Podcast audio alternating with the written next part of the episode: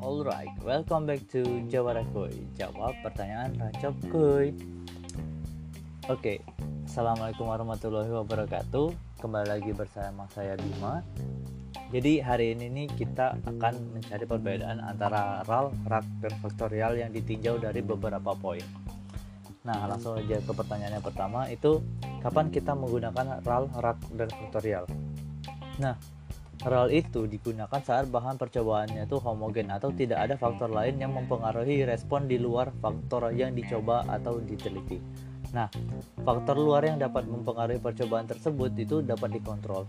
Misalnya nih, percobaan yang dilakukan di dalam laboratorium atau rumah kaca.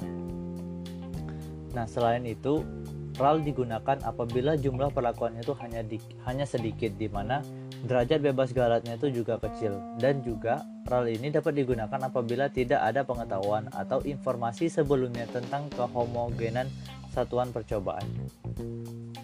Selanjutnya itu adalah rak. Rak itu digunakan saat satuan percobaan yang digunakannya itu heterogen karena keheterogenannya suatu percobaan tersebut tidak sensitif lagi. Untuk itu dilakukan pengelompokan sesuai dengan homogen kehomogenan bahan percobaan tersebut. Misalnya nih, kelompok satu itu dilakukan pada tempat A yang memiliki kesuburan yang lebih rendah, dan kelompok dua itu dilakukan pada tempat B yang memiliki kesuburan yang lebih baik daripada tempat A, dan seterusnya. Nah, biasanya rakin itu dilakukan pada lahan yang terbuka dan luas yang memiliki kondisi lingkungan yang beragam. Nah, selanjutnya itu itu ada percobaan faktorial. Nah, di sini nih percobaan faktorial itu merupakan suatu percobaan untuk melihat suatu perlakuan atau digolongkan rancangan perlakuan dan perlakuannya pun lebih dari satu perlakuan. Nah, sehingga dalam percobaan tersebut itu terdapat kombinasi dari beberapa faktor. Oke, lanjut ke nomor 2 itu berdasarkan sumber keragaman ANOVA-nya. Jadi RAL itu sumber keragamannya itu e, karena asumsinya homogen ya. Nah, karena asumsinya homogen sehingga tidak berpengaruh terhadap respon perbedaan perlakuan. Sehingga tidak diperlibatkan kelompok atau ulangan tersebut dalam pelakuan. Nah, jadi pada RAL ini itu hanya terdapat satu sumber keragaman yaitu perlakuan plus galat. Nah, sedangkan di RAK itu karena asumsinya itu heterogen sehingga kelompok atau ulangannya itu dilibatkan. Jadi di RAK ini terdapat dua sumber keragaman yaitu perlakuan kelompok plus galat. Dan yang terakhir itu ya faktorial. Nah, di faktorial sendiri itu terdapat modifikasi atau perluasan perlakuannya sehingga terdapat dua faktor atau lebih. Nah, misalnya nih ada faktor A dan faktor B. Faktor A itu adalah jarak tanam, sedangkan faktor B itu adalah dosis pupuk. Nah, itu uh, nantinya kita tuh bisa memperkirakan adanya interaksi antara faktor A dan faktor B. Nah, terus di dalam faktor itu biasanya terdapat taraf. Misalnya nih, faktor A itu tadi ada tadi itu jarak tanam. Nah, nanti misalnya itu ada tiga taraf. Artinya itu ada tiga jenis jarak tanam itu 2 meter, 3 meter ataupun 5 meter. Nah, contoh lain tuh misalnya faktor B itu dosis pupuk. Dosis pupuk itu tuh ada dua taraf. Nah, berarti ada dua dosis pupuk yang berbeda yang diberikan ke tanaman. Nah, selanjutnya itu ada kelebihan kelebihan dan kekurangan masing-masing percobaan. Yang pertama itu RAL. Keuntungan RAL itu sendiri adalah perancangan dan pelaksanaannya itu mudah.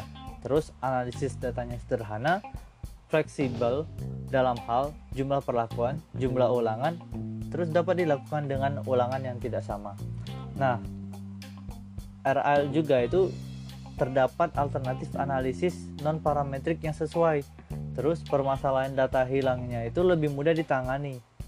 Terus tidak memerlukan tingkat pemahaman yang tinggi mengenai bahan percobaan. Nah, untuk kerugian RAL sendiri itu terkadang rancangan ini tuh tidak efisien dan dan tingkat ketepatan percobaan mungkin tidak terlalu memuaskan kecuali unit percobaannya itu benar-benar homogen. Dan dan yang ketiga itu hanya sesuai untuk percobaan dengan jumlah perlakuan yang tidak terlalu banyak Dan yang terakhir itu pengulangan percobaan yang sama mungkin tidak konsisten atau lemah apabila satuan percobaan tidak benar-benar homogen terutama apabila jumlah ulangannya itu sedikit. Nah, selanjutnya itu RAK. Itu keuntungannya itu lebih efisien dan akurat dibandingkan RAL. Nah, terus penarikan kesimpulannya itu lebih luas karena kita tuh bisa melihat perbedaan di antara kelompok. Terus kerugian RAK itu memerlukan asumsi tambahan untuk beberapa uji hipotesis. Interaksi antara kelompok dan perlakuannya itu sangat sulit. Peningkatan ketepatan pengelompokan akan menurun dengan semakin meningkatnya jumlah satuan percobaan dalam kelompok.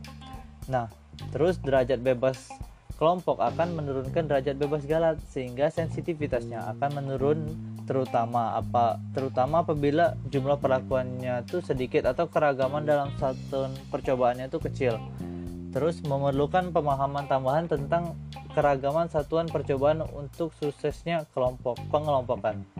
Dan yang terakhir jika ada data yang hilang memerlukan perhitungan yang lebih rumit. Nah yang terakhir itu ada faktorial. Keuntungan dari faktorial ini sendiri itu lebih efisien dalam menggunakan sumber-sumber yang ada. Terus informasinya informasi yang diperoleh lebih komprehensif karena kita bisa mempelajari pengaruh utama dan interaksi. Dan itu hasil percobaan dapat diterapkan dalam suatu kondisi yang lebih luas karena kita mempelajari kombinasi dari beberapa berbagai faktor dan yang terakhir itu ada kerugian dari percobaan faktorial itu analisis statistikanya menjadi lebih kompleks terus terdapat kesulitan dalam menyediakan satuan percobaan yang relatif homogen dan juga pengaruh dari kombinasi perlakuan tertentu mungkin tidak berarti apa-apa sehingga terjadi pemborosan sumber daya yang ada. Nah, jawaban yang terakhir tadi itu sekaligus mengakhiri isi podcast kali ini nih. Buat teman-teman yang mau bertanya bisa ditanyain aja ya nanti. Oke, terima kasih atas perhatiannya. Sampai bertemu di podcast berikutnya. Akhir kata, wassalamualaikum warahmatullahi wabarakatuh.